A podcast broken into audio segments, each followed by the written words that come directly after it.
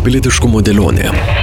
FM99 laidos apie tai, kas vyksta aplink, apie karo pasiekmes Lietuvai ir pasauliui, pilietinės visuomenės svarbą, dezinformaciją ir gebėjimą ją pažinti, kultūros įtaką, kuriant imperialistinę visuomenę ir kaip išlikti atspariems išorės grėsmėms. Klausykite. Rusijos agresija prieš Ukrainą išjudino senus pamirštus skaudulius. Apie praeities instrumentalizavimą, simbolių svarbą visuomeniai šiandieninėme kontekste, pilietiškumo dėlionėje pokalbis su diplomate istorike profesorė Irena Vaišvilaitė. FM99 eterija antradienį 10.30, kartojama ketvirtadienį, šeštadienį ir sekmadienį. Laidą surasite ir FM99 radio podkasto epizoduose bei YouTube kanale. Pilietiškumo dėlionė. Klausykite šiandien. Rusijos agresija prieš Ukrainą išjudino senus skaudulius. Savivaldybės griebėsi versti užsilikusius sovietinius simbolius, kur savo norų, kur spiriamos gyventojų, galiausiai ir paveldotvarkininkai parengė rekomendacijas, kaip demontuoti paminklus sovietų karių kapuose laikantis teisinio reglamentavimo. Iki šiol jie buvo nejudinami. Pakeisti sovietinių paminklų saugojimo kapinėse kriterijai, atnaujintas ir nekelnojimųjų kultūros vertybių vertinimo atrankos ir reikšmingumo lygmens nustatymo kriterijų aprašas. Visą tai vyko per pastarąjį pusmetį. Paminklų statymas ir griovimas iššaukia reakciją visuomenės, dažnai ją ir supriešindamas. Kaip turi vykti atminties įamžinimas, kas turi priimti sprendimus ir kodėl tie fiziniai istorijos atvaizdai mums tokie svarbus. Apie praeities instrumentalizavimą ir simbolių svarbą visuomeniai šiandieninėme kontekste pilietiškumo dėlionėje pokalbis su diplomate istorike profesorė Irena Vaišvilaitė. Turime tų problemų su apskritai visokiais įamžinimais, po to diskusijos reikia, nereikia. Apskritai, kaip atrodo, kiek reikia tą atmintį taip fiziškai kažkuo, kad matytum, kad būtų panosiai, kad, kad tau kasdien primintų kažkokius momentus, kurie dažnai po to būna ginčiami, kuriems reikia ilgo tarpo arba istorinių kažkokių patirčių, kiek reikalingas va, tas visas vizualus formatas? Mes turim vieną bėdą. Mes galvojam, kad vizualus formatas ir šituo atveju aš jau seniai kalbu, kad toks yra, kaip čia pasakyti, toks rytietiškai katalikiškas, nes būtent ortodoksai ir tada katalikai, bet ypatingai ortodoksai suteikia ypatingas galės atvaizdui ir mano, kad atvaizdas savaime komunikuoja. Yra nu, tokio platoniškas suvokimas atvaizdo, kad atvaizdas yra anapusinės tobulos idėjos toks išvedimas į mūsų pasaulį. Ir tai, kuo mes skiriamės, nu, pavyzdžiui, nuo, nuo skandinavų, nuo tų į šiaurę, tokių protestantinių būtų galima sakyti, kraštų, kur atvaizdas neturi ypatingos galios. Geriausio atveju jis yra iliustracija. Tai ką aš noriu pasakyti? Todėl, kad mes galvojam, kad pastatę atvaizdą mes išsprendžiam problemą. Arba nugriovė. Arba nugriovė. Nes atvaizdus greunam, nes galvom, kad jie kažką spinduliuoja, ko jie nedaro. Arba statom tam, kad spinduliuotų, pastatom ir jie irgi šito nedaro. Atvaizdas turi prasme tada, jeigu jis yra įjungtas į kažką platesnio, tai yra į kitus tokius galėtumėm vadinti istorijos instrumentalizavimo, tokio sukonkretinimo dalykus. Tai yra, tą galima vadinti liturgija, jeigu žiūrėti tą religinį aspektą, apie kurį aš dabar kalbu.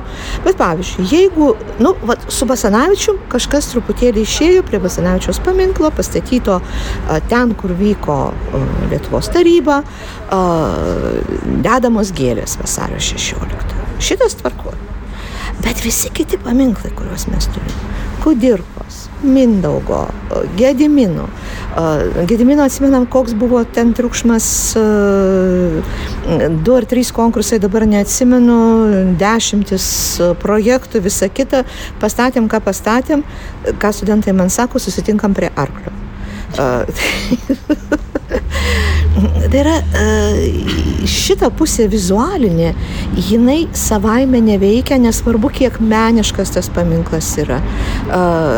Taip, nu, pavyzdžiui, Gucevičiui paminklas statytas arba Barboros pastatytas kaip gatvės skulptūra, ar ne Vokiečių gatvė. Nežinau, kas jam, kas ištiks tą figūrą su Vokiečių gatvės pertvarkymu ar kadar.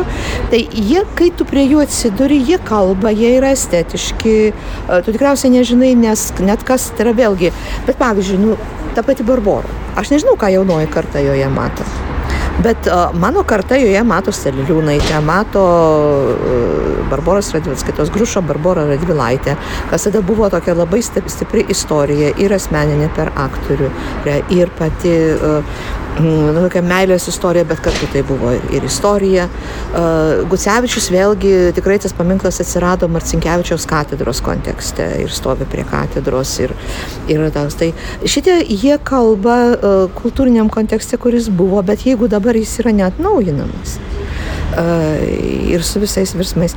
Tai vėl, tai yra nu, gražus plastiniai akcentai, šituo atveju vykę uh, sovietinio laikotarpio. Pavyzdžiui, Barbora tikriausiai yra vienas geriausių uh, Vildžiūno darbų amžinatilsi Vilčiūno. Bet kad jų ir ta lietuviška pasaka, kuris stovi dabar prie valdovų rūmų ir kur kažkada buvo vienintelė atmintis tos vietos, kaip pilies, kaip rezidencijos, kaip žemutinės pilies ir visa kita, dabar tikrai yra, nu, kaip čia pasakyti, marginalizuota, bet ji stovi ir jinai plastiškai yra, nors žmonės tikriausiai visiškai nežino, kas čia per Velykų salos galvos. Uh, nu, bet jos, jos, tai va šitas, tai šitą aš galėčiau pasakyti, kad istorijos instrumentalizavimas kuris reikalingas tam, kad mes turėtume kažkokius atskaitos taškus erdvėje, laikė.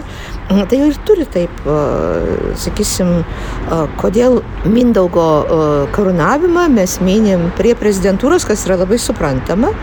Susirenka ten vėliavos iš regionų, bet tas atsirado jau po to, kai paminklas buvo pastatytas ir tas paminklas dabar neturi jokios funkcijos. Vaikai ant užpakalio važinėjasi. Ne, aš nesakau, kad ne, nereikia, kaip tik tai labai gerai, kad važinėjasi, bet faktiškai kas ten sėdi per dėdį, dar su kažkokiam rūnom apklijuotas, nu jeigu atpažįsti kaip rūnos.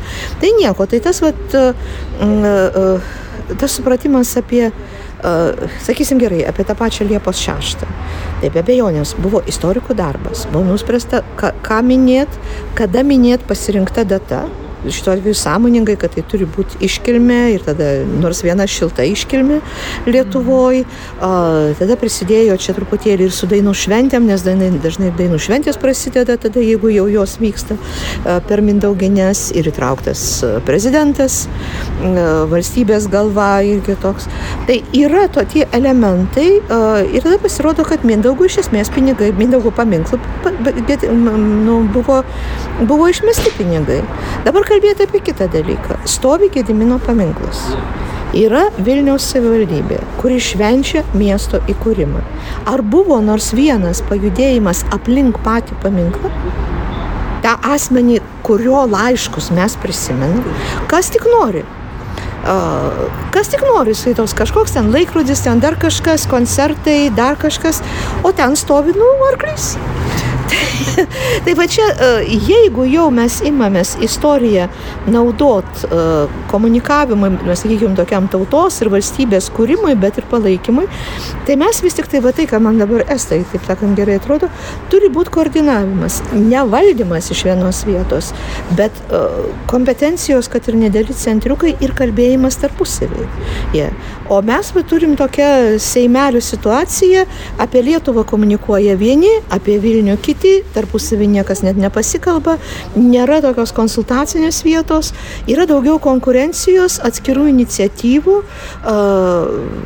Atrodo, kad mes turim krūvą pinigų, nes visi kažką iš savo ten kažką tai naudoja. Vienas dalykas - koncepcijos, turėti savo pačių istorijos koncepciją. Aš manau, kad mes ją turime. Nors ten istorikai tarpusavį pasiniauja, bet, bet ten jau greičiau. Bet iš esmės mes jau galim padaryti Lietuvos istorijos nuo pradžios iki dabar su etapais koncepcija, kurią galėtume komunikuoti. Nes dalis iš tos kai kurios vietos mūsų istorijos yra neiškomunikuotos plačiai visuomeniai. Pavyzdžiui, dabar va taip kaip mes dabar, kaip matom, kokios problemos. O rusų vaidmuo Lietuvos istorijoje. Aš patą pavyzdžiui kitaip, mūsų rusų Nes taip, kad dabar atsidūrė ir dalis visuomenės paprasčiausiai nemano, kad mes turim savo rusus. Ir tai yra mums labai rimta problema kaip visuomeniai, nes tie rusai, kurie tapatinasi su Lietuva, yra joje integruoti įva, įvairialaikiai. Tai ir senieji rusai, rusinai, rutėnai, kaip mes be, juos bevadintame. Tie, kurių vardu pavadinta Rusų gatvė, taip kaip visoje Lietuvos didžioji kunigaikštystėje, kur rusų kaip tokių nebuvo. nu, mas, maskvietiškų rusų, bet visur beveik yra ir stačiatikių kažkokios katedros ar bažnyčios ir rusų gatvės. Pačiam Liuvove. Bet pasirodo, kad mūsų visuomenė šito nežino. Kaip? Ir tada mes rizikuojam ir čia pat yra irgi tos istorijos instrumentalizavimo ir iškelimo nepakankamas dalykas. Taip, Vilniaus miestas pakabino lentelę, dar rusiškai, ruska ulica. Ir net pačiam miestui neiškomunikavo, nes žmonės, nu, iš galvų nežino ir galvoja, kad čia, nu, nu, va čia tie rusai, kurie čia atsidūrė, nežinau, po 45 metų ar dar kažkas. Ir jie iš esmės, jeigu jie integruojasi į šitą istoriją, jeigu mes norim savo naujus rusus integruoti, irgi, e, jiems mes galim pasiūlyti istoriją rusų, kurie nėra Lietuvos priešai, rusai, kurie yra Lietuvos dalis. Ir ta pati istorija yra labai svarbi ir lietuviams, bet ir kad rusai rastų savo kažkokią vietą. Taip pat turim santykius. Nu taip, jie yra imigrantai, Jie atsirado pas mus kaip imigrantai 17 amžiuje, taip kaip po, po 10 metų, 2010 metų arba dabar atbėga dalis žmonių iš Rusijos, bet tada mes juos priėmėm ir jie čia rado savo vietą. Atsiminkim, kad tarp mūsų signatarų buvo Lietuvos santykių. Tai va šitų dalykų, kuriuos mes žinom, istorikai žino, bet tam reikalingas tada tas istorijos komunikavimas kažkokiais būdais, ženklais ir kažkuo, kas yra tvaru. Ir svarbiausias dalykas iš to, tai turi būti kartojama kartojimą ir kiek, kiek reikia laiko, kad praeitų vat, į tam įprasminimui, kada tu aiškiai suvoki, kokia ta istorija buvo, nes tie nuolatiniai ginčiai, ar ne, yra ten, tai ne, viena tai figūra iškyla, numiršta, tai vėl. Kita, tai, jo. taip, bet, bet kiek atveju, reikia? Ne, tai matot, e, reikia vis tik tai atskirti istorijos mokslą taip. nuo, sakykime, taip, poli, taip, būtent nuo istorijos politikos. Ir vienas dalykas taip, tai kad mes laiks nuo laiko, sakysim, fontanuojam to istorijos politikui, bet per 30 metų aš manau, kad tas laikas jau yra praėjęs. Mes tikrai susivokiam savo istoriją. Ir, ir yra jau karta, kuri ir gimome ir užaugo tų pačių istorikų karta, kuris susiformavo jau Lietuvos valstybei. Su, su Gudavičium, su, su kitais istorikais, dabar jau, pavyzdžiui, tas įdomus ir tikrai, aš manau, labai vertingas šuolis to paties Černiausko 40-ųjų metų vasarą, kuri tikrai pasidarė bestselleriu, todėl kad mes netikėtai tai, kas buvo, nu, kažkokia atmintis, ten mitai, dar emocijos ir visa kita, netikėtai tai mes matom savo visuomenę. Ir tai yra, nu, beveik kaip ir mes. Mm. Su ją tapatinėsi. E, tai pati ta knyga, jinai, jinai irgi yra tam tikras istorijos instrumentalizavimas. Tas sustabdytas laikas, tie, tie, tas pusmetis, tie, tie, tie keli mėnesiai, uh, liečiantis tą, ką mes ten vadinam gedulo diena, žinai, ir juodo kaspino diena, kaip, kaip jau bevadinsim, bet jinai netikėta tampa visiškai, ne tik tai, nes kiekvienas turi savo šeimos istoriją, kas buvo 40 metais. Nu, aš manau, kad turi, čia gal aš pagal save sprendžiu. Bet kartu šitas duoda istoriją, kurią irgi daugybė žmonių perskaitė, kur atsiranda, uh, tu gali, jeigu tu neturi savo tos atminties, tu ją gali įgyti per šitą knygą. Mm. Yra, yra va tie įvairūs tokie dalykai.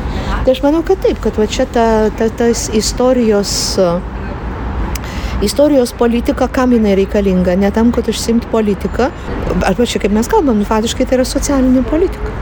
Tai yra socialinė politika, tai yra mūsų tapatybės, tu turi būti kaip šeimoji, todėl visi švenčia kučias, nors į bažnyčią nevaikšto jau ten didžiulis kėtas. Todėl, kad tai yra šeimos buvimo forma. Jeigu tu šitą išimsi, kažkoks gabalas šeimos gyvenimo, ten visi paskui gal ir susipyksta, ar ten dar kažkas tai tokio, ar per, ar per vėlinės, ar per tą, bet tai yra šeimo, tai yra tos vietos, kur laikosi vis tiek šeimos ryšys. Ir tą galima vadinti skaitos, nu, tam tikrą prasme, šeimos politika turi kitą, kitą prasme, bet tai yra šeimos vidaus politikos dalykas, kur tas, ta struktūra yra duota ir niekas jos nekvestionuoja. Bet visi, visi pirmiausia, jeigu paklausi lietuvių, apie ką kalėdos, pirmiausia, apie šeimą apie tai, kad mes susirenkam ir ten esam pas tėvus, kol yra tėvai, paskui visą laiką tas įdomus skaitos, kaip tas persikelia, kai tėvų nelieka ar toliau, bet šeima toliau renkasi. Ir dažnai ir istorijas pasakoja ir dar kažką. Tai čia kažkur ten yra labai gilu, kažkur yra negilu, dar kažkas, bet va šito mums reikia kaip visuomenė. Mm. Ir visuomeniai vėlgi taip kaip būna ten su kokia mm, savotiško charakterio teta, dar labiau savotiško charakterio dėdė, ar dar kažkas tai tokio, tai mes irgi savo visuomeniai turim, tai dabar kaip klausėmės, kad ukrainiečiai sako, kokie jie, žinai, skirtingi ir, ir kiek prieštaravimų viduje ir mes nenorim apie tuos skirtumus ir prieštaravimus netgi žinot, nes dabar ką nors pasakyti apie ukrainiečių problemas, čia maždaug kaip juos išduot, bet ukrainiečiai tų problemų nesibaido. Mm. Todėl kaip taip pat kaip mes ten su savo dėdėm, tėtom ar ten, žinai, pusbroliais, nežiūrint to, sugebam ar per vestuves, ar per kūčias, ar per, ar per sakant, vėlinės, vis tik tai išbūt kartu, būdami labai, labai skirtingi dažnai. Bet kitas yra va, tas, tas kažkas, kas, kas, kas mus laiko. Tai aš sakyčiau, kad taip tik tai. O tai tokie, lygiai. tokie va, perversmo, ne perversmo, gal tokie sudėtingi laikai kaip dabar, ar ne? Kiek, kiek tie sprendimai tokie gali būti priimami ten nukelt nugriaut, pastatyti, pavadinti, pervadinti. Ir nu, va, tuo metu, kai karas. Čia, čia, ne, šiuo, šiuo metu karas, nu tai pirmiausia, mes nekariaujame. Vis tiek, mes ne, bet, ne, bet mes nekariaujam, mus mušė, bet mes, mes elgiamės taip, lyg tai mes kariautume. Bet mes nekariaujam, mes nesam kare. Tai viena vertus, tai kai kurie dalykai buvo užsitęsę, nors lietuviai svetimą, primestą okupacijos, istorijos, uh, vizualinį suinstrumentinimą didžiąją dalim išvalė dar 89-91 metais. Ką estai su Latvijais iki dabar? Taip, taip, taip. Nu tada, bet jie turėjo kitą situaciją. Pas mus buvo ir, tai sakau, mes uh, uh, iškėlėm Černehovskį kur čekai vos nes kitos Rusija vos nenutraukė santykių su Čekija už Konevo iškelimą iš Prahos va, prieš, prieš kažką buvo, prieš porą kokį metų. Nes jie pavėlavo. Nu, jiems atrodė nesvarbu truputėlį. Jie nuėmė, kaip nuėmė Staliną, ten dar kažkas ant Stalino postamento, nu Staliną nuėmė seniai, bet stovėjo tas Stalino postamentas, kitoj pusėje Vultavos, pastatė metronomą tokį kaip istorijos simbolį. Tai netgi šitas e, labai juokingas ir be galo dviprasmis e, paminklas prie Prahos geležinkelio stoties centrinės, skaitos, nu toks slavų valstietis, kuris šituo atveju turėjo būti čekas, į lūpas bučiuojantis rusų kareivį stovi, tebe stovi. Ir žinoma, iš jo ten visi šaiposi, ten dar kažkas, jis jau, taip sakant, visiškai toks. Bet čia kam jis kažkaip nekliūdė, jie ten savo kitų paminklų prisistatė tokių mm, irgi labai ironiškų. Šituo atveju čia, kai paminklus žiūri, yra, kurie yra, gerai yra 19 amžiaus, kur tikrai buvo nacionalinės tapatybės daugiatautiai Austro-Vengrijos valstybei. Bet kai kurie jų paminklai tikrai yra labai vykę, kaip pavyzdžiui Palachui susideginusiam Vaclavo aikštėje. Bet tai, kad mes tada žiūrėjom ir tai, kad pas mus taip intensyviai buvo, pirmiausia, Lietuva, žinoma, labai intensyviai paminklus, labai skirtingos kokybės statė savo nepriklausomybės antram dešimtmetį. E, tai ir Vytauto, ir paskui buvo įvairiausių ten paminklų ir Kestučių, ir kas tai yra Vytauto minėjimas, ir buvo nepriklausomybės jau metinių minėjimai. Ir juos paskui labai, jie buvo tikrai labai kryptingai ir labai uh, piktybiškai greunami. Rygoje išliko Latvijos valstybingumo paminklas pačiam miesto centre, didžiulis, labai kokybiškas. Galbūt jo nugriuvimas būtų buvęs kažkas tai tokio, kas... Ir aš čia sunku pasakyti, kaip sunku pasakyti, kodėl, pavyzdžiui, Rokiškė išliko tas paminklas priklausomybės. Bet iš esmės tie paminklai buvo nuvalyti, žmonės šitą prisiminė, taip pat kaip mūsų aikštės buvo naudojamas partizanų išniekinimui ir išmenimui.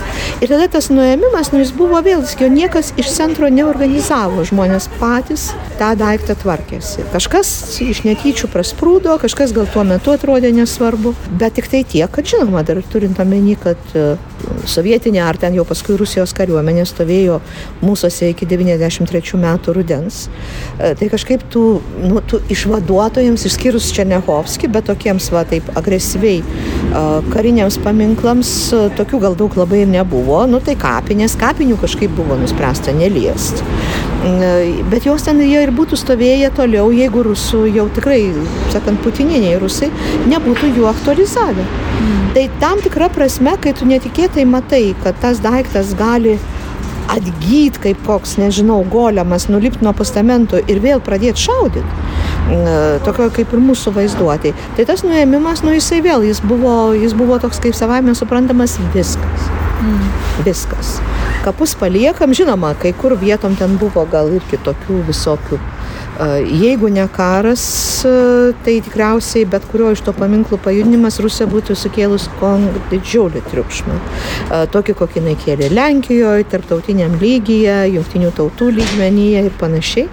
Nu, bet dabar, taip sakant, turėjo kitų reikalų ir čia buvo irgi vienas iš tokių pralaimėjimų, nes tie ženklai, už kurių kabinosi Rusijos dabartinė valstybė ir kuriuose vat, kiekvienas tas pastatytas kareivis, kad ten, žinai, ir gipsinės, ir laiks nuo laiko griūvantis ir panašiai, buvo, va to mes galim pakartoti. Mm. Uh, simbolis, jiems tai tikrai buvo toks ir vat, mes iš Labadovo, mes, mes vieni, uh, mes gegužės 9-ąją tam jau priešinamės nuo 2005 metų. Uh, labai matomai atsisakė važiuoti iš tai į, į, į Raudonąją aikštę ir minėti pergalės tokios rusiškos jubiliejų. Ir jau tada, va tada aštuntos minėjimas jau buvo sukonstruotas prezidento Valdo Adamkaus ir jo komandos, kur buvo minimi ir vokiečiai, ir partizanai mūsų žuvę, ir, ir mūšis, ir, ir tas pats Talaga, tai, tai, tai tie, tie jau karo belaisvių lageriai, kur sovietinių karo belaisvių sulaikymo ir, ir žuties vietos. Tai šitas taip, bet, bet va, tą, tą ką, ką užsugebėjo nuo 2005 metų, bet ypatingai nuo 2010 uždėti Rusija šitiems paminklams, kurie tikrai, nu kaip ir niekam nekliudė, jie pradėjo kliudyti. Nebūtų kliūdė, nebūtų žmonės taip greitai nuėmę. Bet vat, jūs sakot, žmonės nusprendė ir padarė ir kažką. Kas turi tokius sprendimus priminėti? Na šiaip tai žinoma, pirmiausiai tas sprendimas buvo ginčio apie paminklus, kaip mes turim, turėjau žinom, labai daug, nu, cvirkos paminklas, kiek diskusijų sukėlė. Prieš tai buvo žalios, žalio tilto skulptūros. Mes matėm, kad visuomenėje yra skirtingi jėgos nuomonės, kas aplamai rodė, kad tos konkrečios e, skulptūros ar paminklai, jie nebėra tokie vienaprasme, jie tikrai nebuvo tokie toksiški ir ten tikrai buvo, na, politinio manipuliavimo, nes, nu, daliai žmonių jie kliudė, kitai daliai nekliudė, bet tai nebuvo ne todėl, kad kažkas mėgo sovietizmą, bet todėl, kad mes, man, žinai, mes manim, kad aplamai ištrinti visą laikotarpį kaip sovietinį, uh, nu, taip pat kaip estai sako, yra dalykų, kurių, kuriuos mes paveldėjom iš Sovietų sąjungos, kurio jo, vis tik tai iš tikrųjų mes iš jūsų pasidarėm naudą. Taip kaip estai kalba apie savo, sakysim, visą skaitmeninę. skaitmeninę. Uh, bet taip yra ne, todėl, ne tik tai dėl to, kad Sovietų sąjunga, nes kaip teisingai sakė, Gruzijoje irgi buvo kibernetika. Mm, bet ten skaitmeninė valstybė neatsirado. Tai vadinasi, yra, yra estai ir kibernetika. ir tai, kad, ja, ne, nu, tai šituo atveju, nu, kaip sakyti, estai gavo citrinas ir iš jų pasidarė limonadą. Tai čia tas.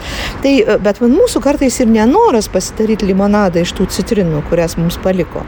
Ir jas kažkaip pergalvos, skaitos būtinai, e, tada jau visiškai skaitos, va tas tokia nuolatinė kova. Nu, bet čia toks. Bet su su tais e, karo paminklais, nu vėlgi, nebuvo taip, kad e, čia buvo liaudės sukilimas. Tas klausimas buvo pakeltas, kultūros ministerija pasakė, kad nu gerai, taip, e, nuimsim apsaugą ten vienoje kitur, kur yra, ir kitką tegul sprendžia bendruomenės. Ir ten jau kaip kiekviena bendruomenė tuos sprendimus priiminėjo, tai ten buvo įvairiai, bet buvo ir diskusijų, kaip pavyzdžiui, dėl neringos. Aš nesebėjau viso proceso dėl, dėl klaipėdos ir dėl kažko, bet šiaip tai, nu, taip, dalį istorikų vėlgi susijusių su antro pasauliniu karu ir antro pasaulinio karo atmintim, kai kurie dalykai atrodė gana drastiški ir žiaurus, bet tai buvo gana anksti ir paskui Čia vėl galim sakyti, kad visa tai vyksta Rusijos karo prieš Ukrainą fone ir tas fonas pila benziną. Ir tai ne tik tai, kad mūsų kokio bejėgiškumo ar emocionalumo, bet supranti, kad tie dalykai, jie tikrai toksiški. Taip pat, nu, taip pat jo, taip pat kaip matai, kaip Rusijos kariuomenė Ukrainoje vienas dalykas naikina paminklus ir šaudo juos kokiam Ševčankai, kur jau pasiekdami ir čia pat stato Lenino paminklus. Tai va čia tas, čia jau kitkas, čia daugiau negu istorijos politika, bet mes matom, kad tai gali atsistatyti ir tokiu būdu Taip, be abejo, nes tame yra ir emocija. Istorija gali būti labai emocionali. Taip. Šiandien tiek. Profesorė Irena Vaišvilaitė kalbino Vilija Kvedaraitė. Daugiau pilietinės dėlionės laidų suraskite FM99 svetainėje, podcast'e ir YouTube kanale. Prenumeruokite ir klausykite mus kas savaitę. Pilietiškumo dėlionė. Prie laidos finansavimo prisideda spaudos radio ir televizijos rėmimo fondas. Pilietiškumo dėlionė. FM FM99 laidos apie tai, kas vyksta aplink, apie karo pasakmes Lietuvai ir pasauliui, pilietinės visuomenės svarbą, dezinformaciją ir gebėjimą ją pažinti, kultūros įtaką, kuriant imperialistinę visuomenę ir kaip išlikti atspariems išorės grėsmėms. Klausykite, FM99 eterija antradienį 10.30, kartojama ketvirtadienį, šeštadienį ir sekmadienį. Laidą surasite ir FM99 radio podcasto epizoduose bei YouTube kanale. Pilietiškumo dėlionė.